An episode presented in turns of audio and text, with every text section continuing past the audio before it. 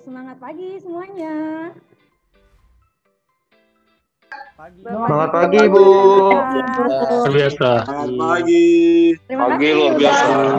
join di acara kita hari Semangat ini pagi. ya. Selamat sore dan salam sejahtera untuk kita semua. Rekan-rekan semua di sini gimana kabarnya? Baik-baik? Alhamdulillah. Ah, sehat. Sehat. Ya, semoga semuanya dalam kondisi sehat karena ya kita tahu ya dalam masa pandemi seperti ini kita dituntut untuk bisa eh, menjaga imunitas tubuh kita dengan pola hidup yang sehat. Jadi saya doakan supaya rekan-rekan semuanya di sini eh, memiliki imunitas tubuh yang oke, kabarnya juga baik-baik gitu ya. Senang senang sekali saya Stella dan rekan saya di sini ada juga mana nih rekan saya? Oke, saya dan Mbak Tami dari Human Capital People Development kali ini berkesempatan untuk menemani rekan-rekan semua di dalam acara kita hari ini Learning Festival Sharing Session. Jadi eh, teman-teman dari tim learning itu kita punya suatu program besar yang namanya Learning Festival. Nah, salah satu acara di dalam Learning Festival gitu ya. Kalau dalam suatu festival kan biasanya ada banyak acara-acaranya gitu ya, sub-sub acaranya. Nah, salah satunya adalah sharing session. Kalau eh, teman-teman biasanya dapat broadcast di email atau di WhatsApp group gitu ya, eh, food for the brain. Jadi kita mau kasih makan nih eh, diri kita, otak kita supaya kita tetap bisa keep up sama hal-hal yang terjadi di sekitar kita. Oke, rekan-rekan, di masa pandemi seperti sekarang ini mau nggak mau, suka nggak suka, bisa nggak bisa, kita harus terus berkembang, betul ya? Puluhan bahkan ratusan kali lipat eh, lebih cepat dibanding masa-masa sebelum kita eh, menghadapi kondisi saat ini, ketika belum ada eh, coronavirus gitu. Nah, jadi secara nggak langsung kita tuh udah tertuntut gitu ya untuk bisa keep up sama kondisi saat ini supaya kita akhirnya nggak ketinggalan dari uh, situasi dan keadaan dari rekan-rekan kita yang justru berusaha untuk terus menyesuaikan diri untuk tetap agile gitu ya sampai akhirnya kita bisa bertahan untuk uh, di masa-masa sulit seperti ini. Nah, pertanyaannya nih rekan-rekan, sebenarnya apa aja sih hal-hal yang dibutuhkan untuk kita bisa terus beradaptasi sama kondisi kondisi saat ini? ada nggak sih hal-hal yang mungkin bisa kita uh, lakukan supaya kita bisa terus mengembangkan diri kita? Dan biasanya kalau mungkin di masa-masa sebelumnya mengembangkan diri ada banyak ya caranya. Kita ikut acara ini, acara itu. Sekarang semuanya serba terbatas. Sore sore hari ini kita mau um, apa ya akan bahas terkait dengan bagaimana nih caranya bisa jadi pintar, menjadi pintar di tengah kondisi pandemi. Susah nggak sih sebenarnya? Nah, oleh karena itu kita akan undang seorang narasumber yang juga sudah hadir di tengah-tengah kita hari ini. Beliau adalah Bapak Loa Tony, ya. Eh, Mbak Tami, tahu nggak siapa Pak Tony? Nah, perkenalkan juga ya teman-teman, Head of People Development-nya PT Era Jaya Swasembada. Beliau baru bergabung dengan keluarga kami satu bulan lamanya. Tapi walaupun dia baru satu bulan di Era Jaya, tapi uh, pengalamannya di bidang learning dan people development itu sudah lebih dari 25 tahun, udah lama banget. Bisa diceritakan juga mungkin Kak Stella pengalaman apa aja sih yang dipunya sama Tony yang seabrek ini gitu. Oke, nah nih eh, di layar Bapak Ibu saat ini udah ada nih ya profil singkat dari Pak Loa Tony, Head of People Development PT Era Jaya Swasembada TBK. Ya, jadi sebelumnya mem eh, memang Pak Tony baru satu bulan nih bergabung di keluarga besar kita gitu ya. Tapi Pak Tony sebenarnya udah sangat banyak, sudah sangat jauh dari kata hijau untuk eh, apa namanya bidangnya di eh, human people, eh, human capital people development.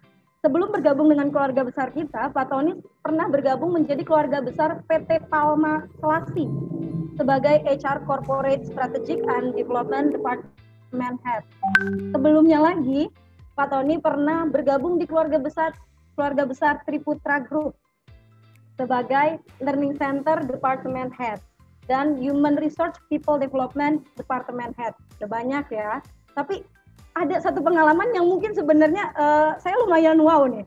Dari tahun 1995 sampai 2014, sekitar 19 tahun ya kurang lebih ya, Pak Tony bergabung dengan keluarga besar Astra International TBK di bagian Learning Center. 1995. Mbak Tami udah lahir belum nih Mbak Tami? Baru banget, baru cuma bisa nangis, Pak Tony udah Ya. biasa share tentang ini ya, learning. luar biasa. Berarti memang secara pengalaman Pak Tony itu udah sangat-sangat um, expert di bidangnya gitu ya. Uh, Mbak Tami, dari pengalamannya Pak Tony yang udah sangat uh, banyak ini, kita panggil dulu kali ya Pak Toninya. Ini dari tadi ya. saya sama Mbak Tami ngomongin Pak Tony, tapi orangnya yang mana? Boleh nih Pak Tony ditampilkan dulu, ya, disapa dulu teman-teman di sini. Hai Digi People, semangat pagi. Halo Pak Tony. Halo Pak Tony. Pagi. Halo Pak Tony, semangat pagi. pagi. Sehat selalu Pak. Semoga sehat-sehat selalu ya. Senang sekali bisa ketemu bareng ya, bisa sharing bareng ya. Oke. Okay. Oke Pak Tony, thank you udah mau uh, hadir di tengah-tengah kita ya. Pasti baru satu bulan banyak hal yang harus dikerjakan untuk keep up dengan pekerjaan-pekerjaannya uh, apa di uh, di era Jaya. Tapi terima kasih udah diluangkan waktunya. Kita bakal banyak tanya-tanya nih Pak Tony dari pengalaman Pak Tony, dari hal-hal yang udah Pak Tony rasakan uh, di masa-masa sebelumnya gitu ya. Mbak Tami, setelah tahu pengalaman Pak Tony nih yang udah nggak hijau, ada nggak yang Mbak Tami mau tanyain nih buat Pak Tony? Ya berkaca dari pengalaman Pak Tony yang sudah ya bisa dibilang expert gitu ya. Pengen tahu nih kira-kira apa sih hal yang bisa di share ke Digi People nih Pak? Uh, apa yang bisa dilakukan kalau misalnya mereka niat banget pengen improve skill uh, mereka gitu? Oke. Okay. wah sebelumnya saya mungkin tampilin slide dulu ya sebentar ya. Boleh Pak. Oke okay, sebentar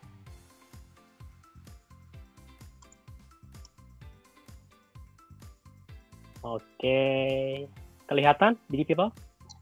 Iya Pak. Kelihatan ya. Oke, uh, ya. Uh, ini slide-nya sama seperti yang tadi disampaikan Stella dan Tami. Jadi kalau dijelasin malu juga, jadi kelihatan tuanya. Nanti semangatnya tetap anak muda ya Pak Tony ya. Amin, amin, amin, amin. Ya, teman-teman, uh, salam kenal juga. Mungkin ada beberapa yang mungkin uh, baru pertama kali tatap muka ya, walaupun melalui uh, virtual gitu ya. Salam kenal, uh, senang bisa kenal semuanya juga. Uh, ya, memang uh, sudah 25 tahun ya, waktu yang cukup lama gitu. Uh, lulus sekolah langsung uh, kerja gitu ya. Nggak sempat main dulu nih style sama Tami jadi begitu lulus SMK langsung uh, kerja gitu ya. Kemudian kuliah juga sambil kerja dan sebagainya. Jadi nggak sempat main-main dulu lah seperti mungkin seperti Stella sempat main dulu atau Tami gitu ya. Saya langsung kerja gitu. Uh, kuliahnya bagian sistem informasi gitu ya. Cuma karena memang pertama kali kerjanya udah ngurusin orang di ISR, udah cinta ngurusin orang gitu ya maka uh, sampai dengan sekarang masih di ISR gitu. Ya lebih banyaknya tadi Stella uh, sama Tami sudah sebutkan bahwa memang experience experience-nya lebih banyak uh, di development gitu ya, di strategic development dan sebagainya. Kira-kira gitu. Nah, kalau pertanyaannya tadi bagaimana sih uh, kita bisa tetap mengembangkan uh, diri gitu ya atau melengkapi skill walaupun di masa pandemi. Nah, Bapak Ibu sekalian dan teman-teman, yang penting adalah yang pertama yang perlu kita lengkapi dan perlu kita uh, pupuk benar-benar adalah tentang dengan uh, tentang growth mindset gitu ya. Jadi bagaimana kita memenangkan diri kita sendiri gitu ya. Uh, growth mindset adalah orang yang mau berubah, orang yang mau berubah orang yang mau bertumbuh gitu ya, orang yang mau berkembang. Jadi berbeda dengan fixed mindset gitu ya. Kalau fixed mindset adalah orang yang tidak mau berubah. Nah, tipsnya adalah kita harus bersyukur dulu yang pertama, Stella. Jadi bersyukur dulu, eh, kemudian setelah bersyukur ya kita tetap happy gitu ya. Mensyukuri apa yang sudah kita dapat sekarang gitu ya, bekerja di era Jaya Group Uh, tentunya dengan kita bekerja di era Jaya Group dengan posisi level jabatan kita masing-masing yang tentunya pasti berbeda, maka itu yang harus disyukuri dulu gitu. Nah, pertanyaannya bagaimana kita bisa survive begitu kan di masa pandemi ini? Uh, ya, sebagaimana kita rasakan bersama sejak bulan Maret sampai dengan sekarang gitu ya. Ya, mudah-mudahan dalam waktu dekat bisa selesai masalah uh, pandemi COVID-19-nya Nah, dengan begitu mau nggak mau kita tetap harus uh, berlatih gitu ya melengkapi diri dengan skill kita gitu. Oke, okay, uh, nah growth mindset tadi gitu ya, bagaimana kita memenangkan diri sendiri. Jadi berpikir optimis, mau berusaha, di kreatif gitu ya, di positif.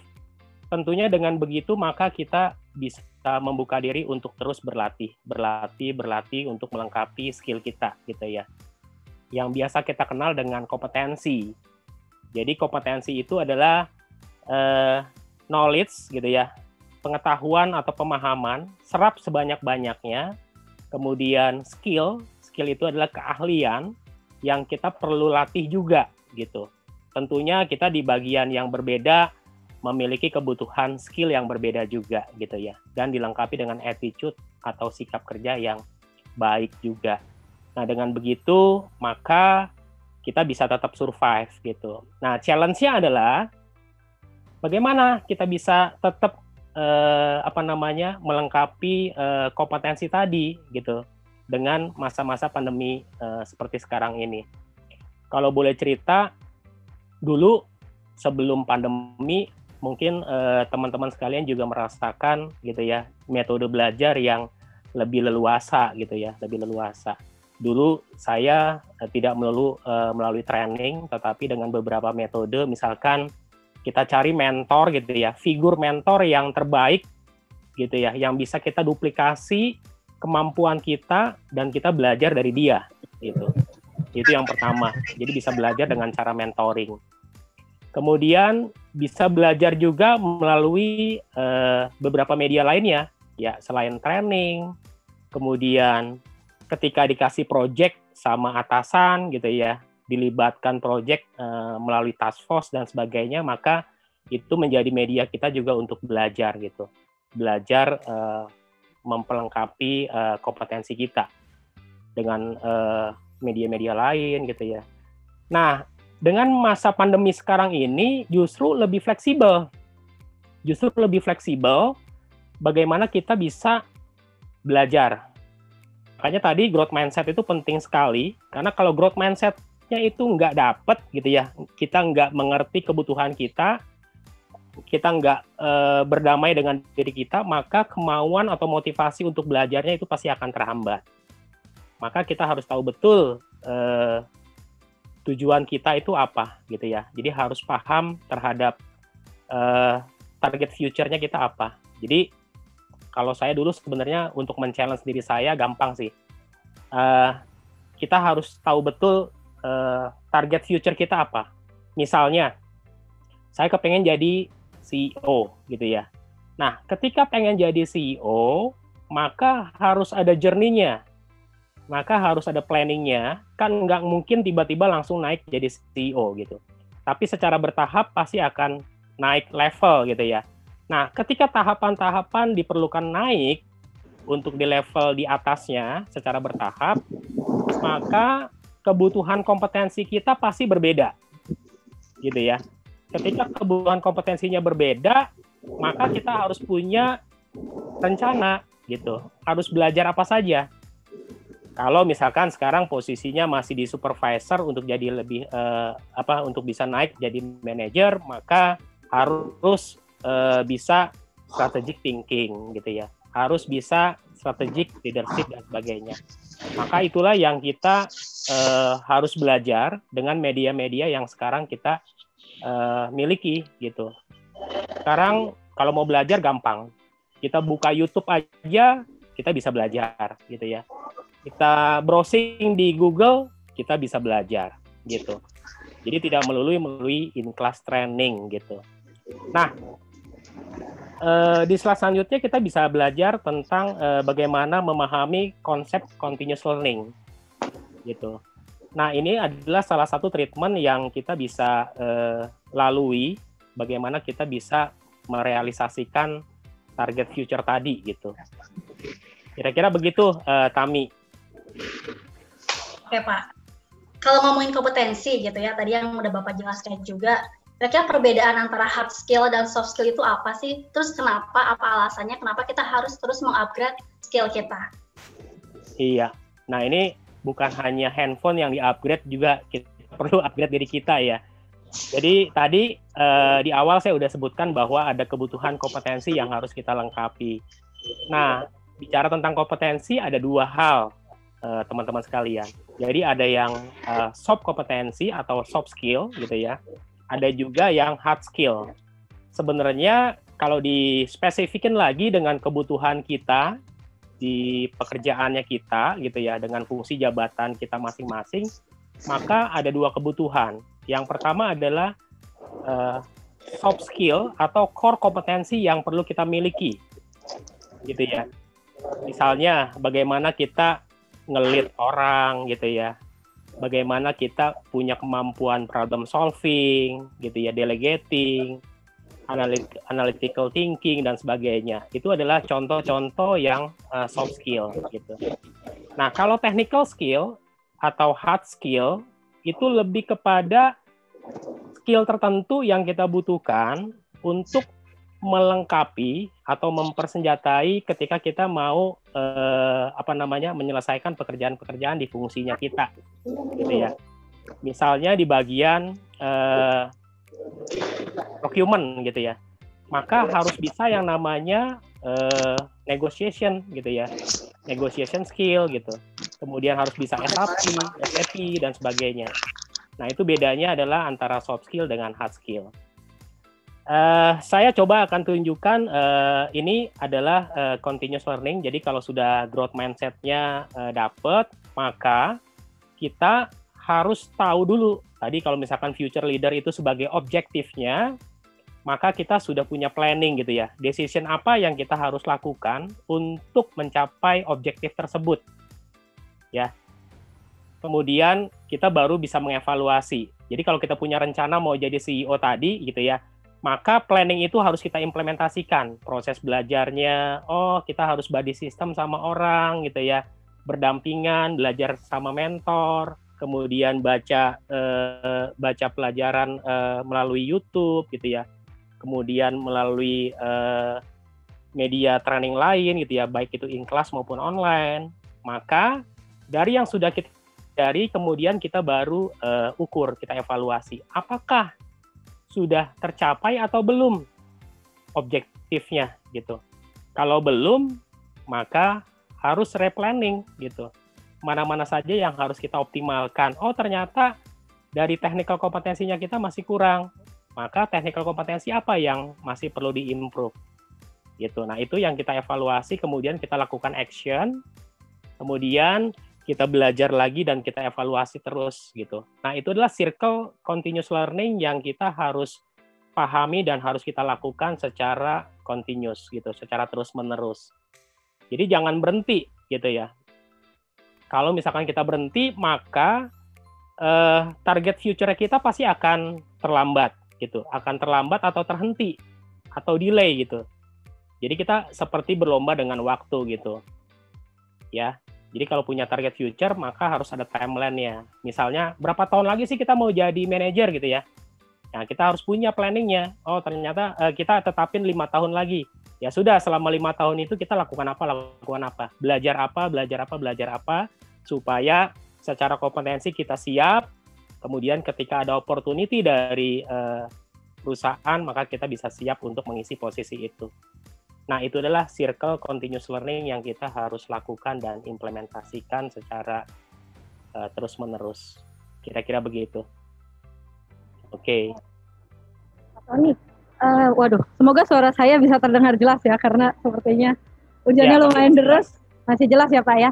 Oke Pak, aku mau tanya sedikit nih Pak. Kan kita sekarang kondisinya lagi dalam masa pandemi gitu ya Pak. Lalu juga pandemi ini sangat-sangat merubah banyak hal gitu dari segala aspek.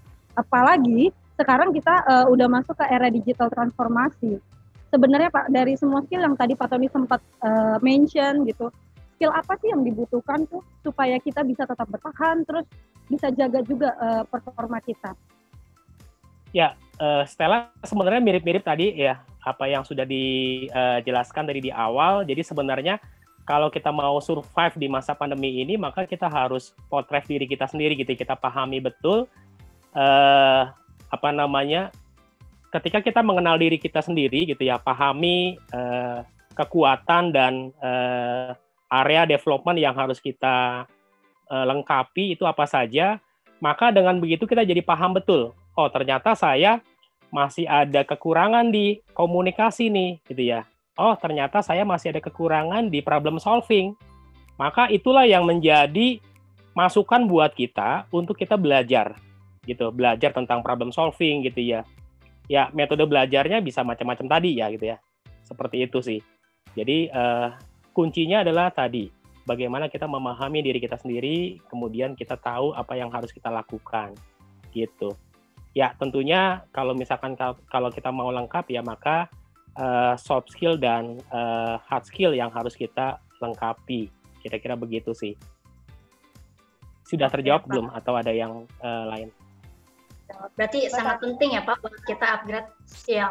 Terus kira-kira kan beberapa gitu kayak gitu zona nyaman ya Pak ya. Aduh kayaknya kalau belajar sesuatu hal yang baru tuh PR banget, perlu waktu, perlu tenaga. Nah kira-kira uh, apa sih Pak kerugiannya kalau misalnya kita itu tadi mager sama zona nyaman kita nggak mau improve skill kita? Iya. Uh, tipsnya adalah gini. Uh, kita tuh punya purpose kan pasti ya, punya tujuan hidup gitu ya. Nah, tujuan hidup kita untuk apa sebenarnya? Wah, pasti menjadi pribadi yang berguna gitu ya. Nggak usah jauh-jauh, mulai dari buat keluarga dulu deh, gitu ya. Jadi individu yang berguna buat keluarga, kemudian di lingkaran yang paling uh, besarnya lagi adalah berguna untuk masyarakat gitu ya. Ya syukur-syukur bisa bermanfaat buat uh, bangsa dan negara. Nah, ketika kita punya purpose, kita paham purpose-nya kita, maka tadi nggak mungkin kita pasti akan uh, diam saja gitu ya. Kita harus mengevaluasi diri kita sendiri tadi. Kalau purpose-nya ada, maka sudah punya rencana. Rencananya diimplementasikan nggak gitu ya.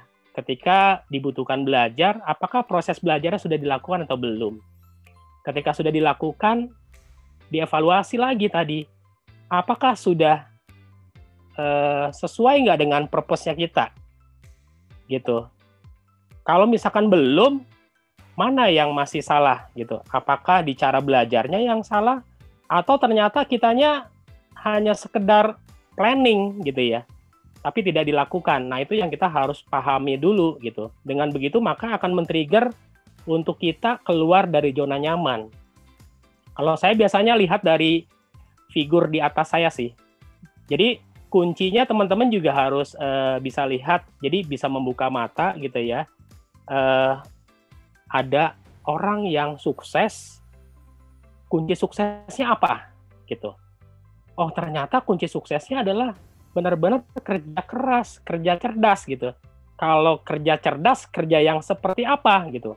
Ya itu yang kita duplikasi, kemudian kita mencontoh dari dia gitu ya. Kemudian kita bisa keluar dari zona nyaman itu yang bisa uh, membantu kita jadi tidak mager lagi Tami gitu. Jadi jangan berhenti belajar. Terus belajar gitu ya, continuous learning. Oke. Nah, kalau itu kan dari diri kita sendiri ya, kita udah punya kemampu, kemauan buat continuous learning, terus belajar, terus bertumbuh. Nah, kira-kira uh, peranan perusahaan kita sendiri nih Pak, bagaimana sih buat memfasilitasi uh, perkembangannya kita gitu atau buat meningkatkan kompetensinya kita itu seperti apa Pak? Mungkin bisa dijelaskan? Oke. Okay. Nah, peran. Jadi kalau bicara perannya perusahaan sebenarnya eh, ya kita bersyukur lah ya bekerja di era jaya yang benar-benar eh, memikirkan karirnya kita gitu ya. Karirnya kita. Setiap orang pasti punya jenjang karir gitu ya. Sehingga bagaimana kita bisa mencapai karir itu, nah kami uh, bersama-sama dengan uh, di tim di Human Capital gitu ya, khususnya memikirkan bagaimana bisa naik karirnya. Ketika mau naik di jenjang berikutnya, misalnya dari staff ke level supervisor. Untuk di level staff itu kira-kira standar kompetensinya apa? Gitu ya. Pasti kan ada A, B, C dan seterusnya.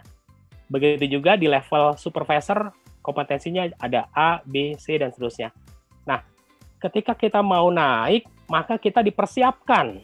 Disediakanlah kendaraan. Quote unquote adalah kendaraan yang didesain untuk kita bisa gunakan naik ke level di atasnya kita.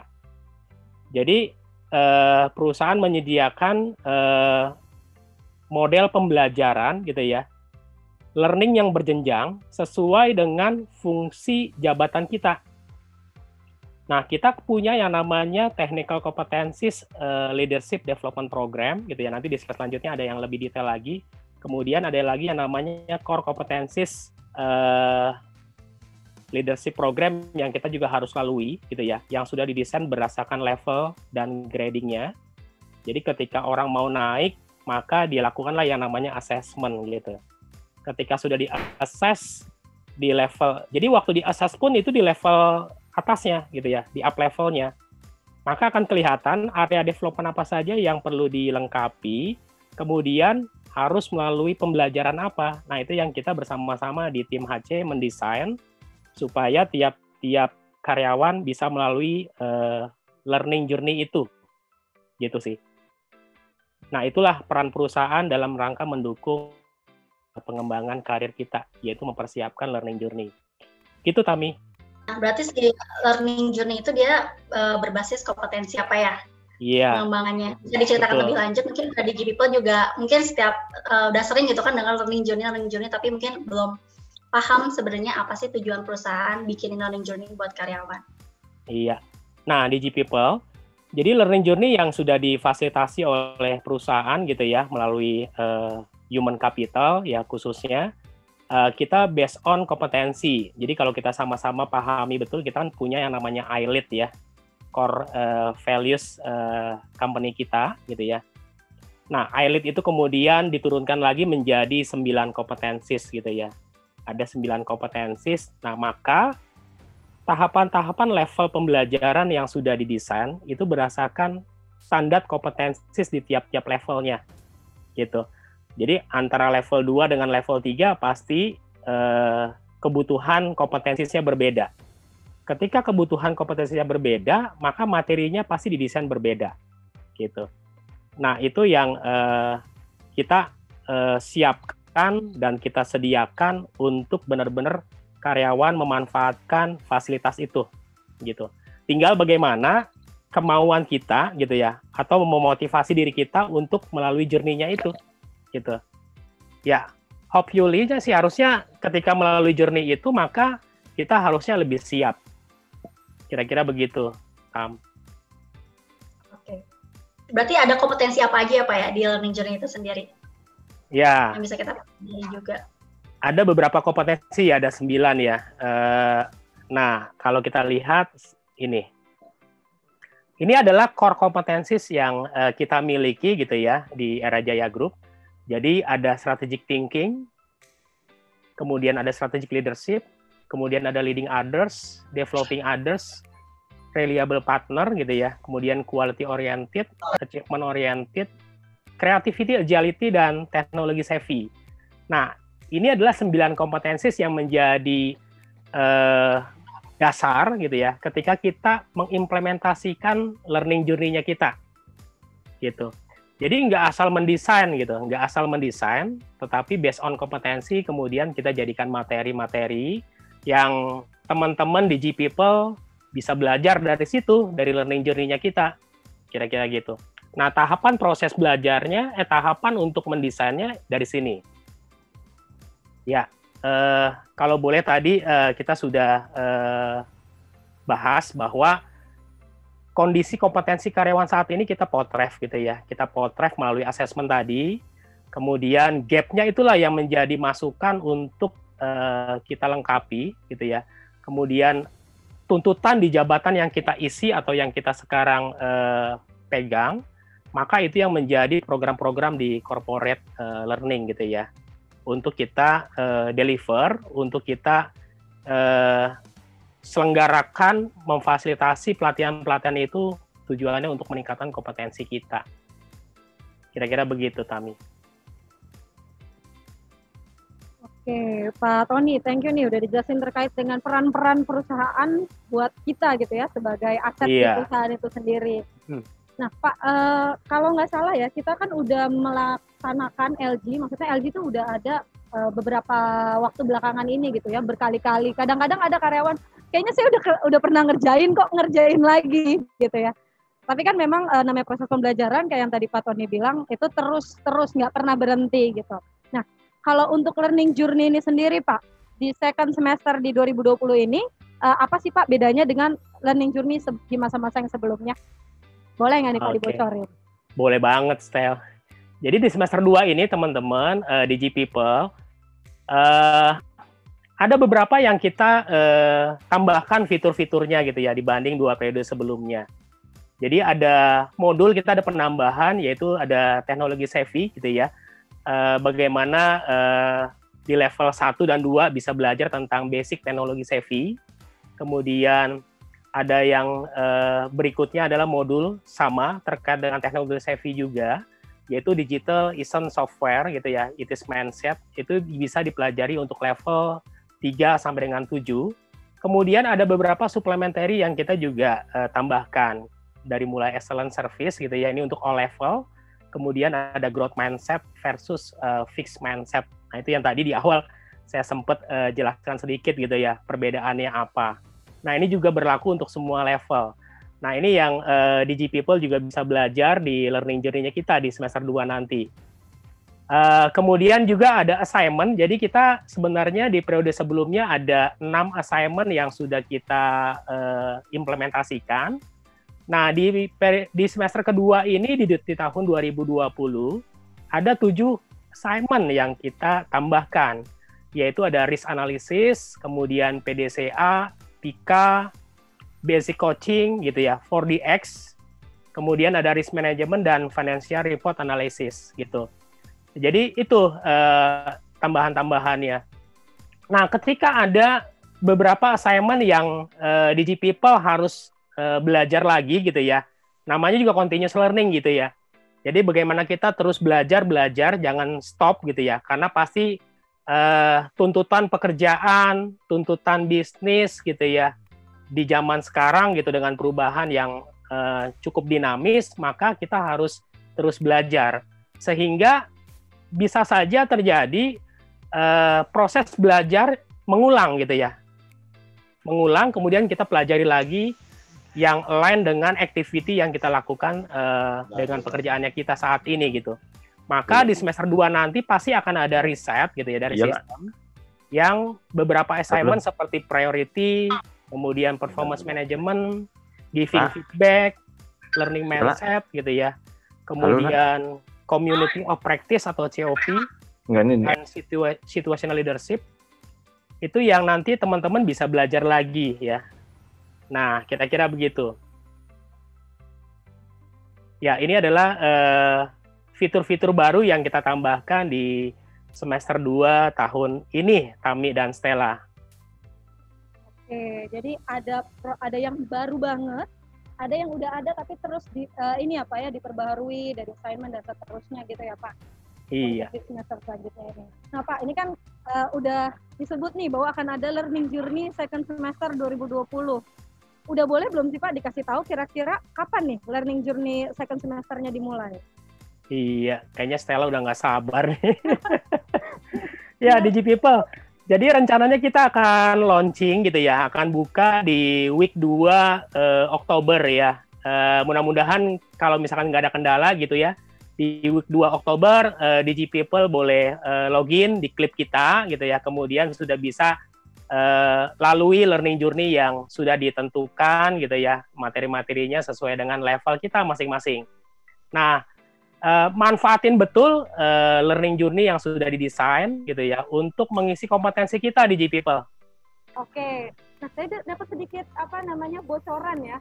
Ada uh, teman-teman di belakang learning journey gitu ya, otak-otak di otak-otak kayak makanan ya, otak di balik uh, learning journey ini sendiri tuh udah mempersiapkan nih uh, biar supaya karyawan Era Jaya Group Digi People tuh bisa lebih memahami apa yang harus dilakukan uh, dengan learning journey second semester ini gitu ya, bagaimana cara uh, menggunakannya, uh, aplikasi seperti apa yang harus digunakan. Nah, boleh nih uh, dibantu saya untuk di play video terkait dengan learning journey-nya. Ya, silakan. Uh, mungkin bantu uh, sama host ini ada Digi People. Ini ada video terkait dengan learning journey gitu ya, supaya kita dapat gambaran uh, bagaimana cara implementasinya. Silakan diputar. Hai Digi People, Learning Journey balik lagi nih. Learning Journey adalah program development yang membantu karyawan Era Jaya dalam mengembangkan kompetensi mereka.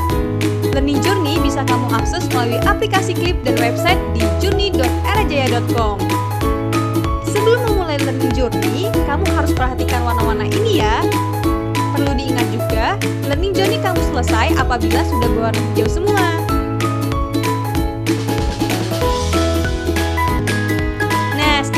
Apa aja sih yang akan kamu lakukan saat Journey sekian semester nanti?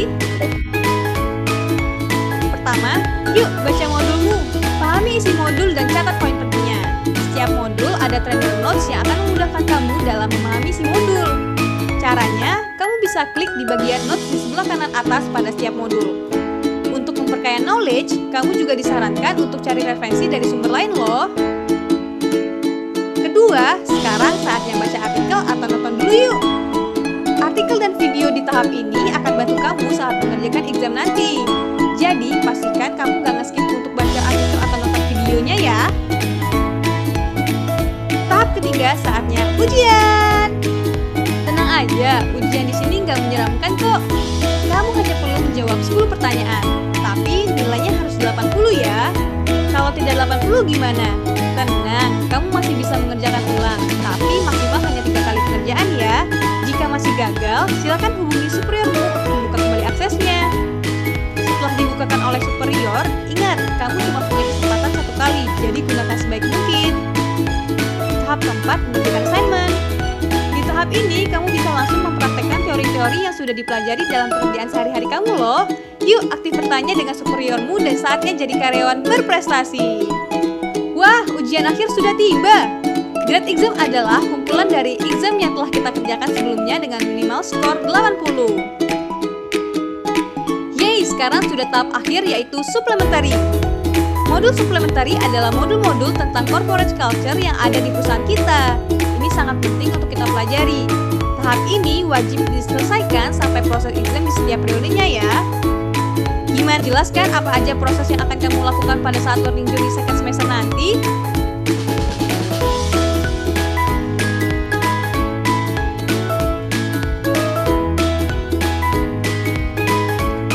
Yourself and get ready for learning journey second semester. Coming soon on HR Super Apps, Clip!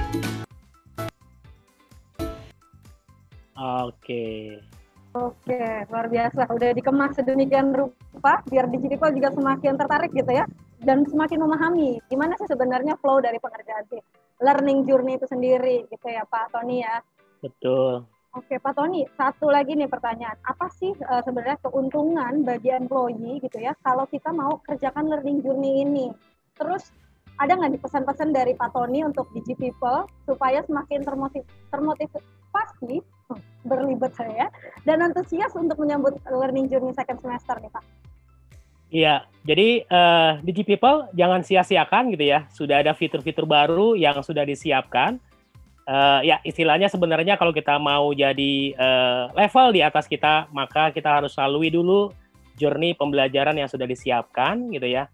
Uh, ada waktunya ya Stel, jadi uh, jangan lewatkan ketika nanti sudah dibuka di week 2 Oktober, maka teman-teman langsung login kemudian harus lalui proses belajar yang sudah tadi dijelaskan di video yang sudah kita lihat bersama.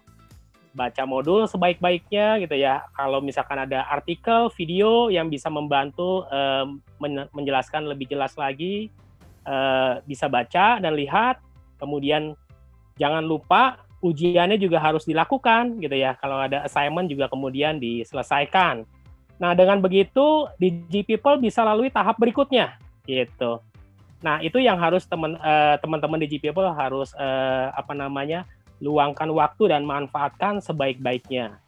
Pasti setelah melalui itu secara kompetensi gitu ya yang kita butuhkan pasti akan uh, bertambah gitu, akan uh, semakin lengkap dan kita semakin siap gitu. Jadi tidak ada alasan style dengan masa pandemi seperti sekarang ini uh, kita masih bisa belajar banyak gitu ya dengan learning journey yang sudah kita siapkan.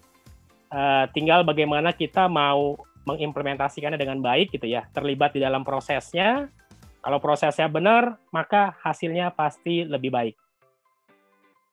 Oke, nggak ada alasan jadinya ya Pak ya. Justru malah ini kesempatan di masa pandemi banyak waktu eh, kita nggak bisa keluar, lebih baik kita belajar, gitu ya Pak Tony ya. Yes, Oke, betul. thank you banget nih Pak Tony untuk sharingnya, untuk apa namanya semua ilmu-ilmu barunya.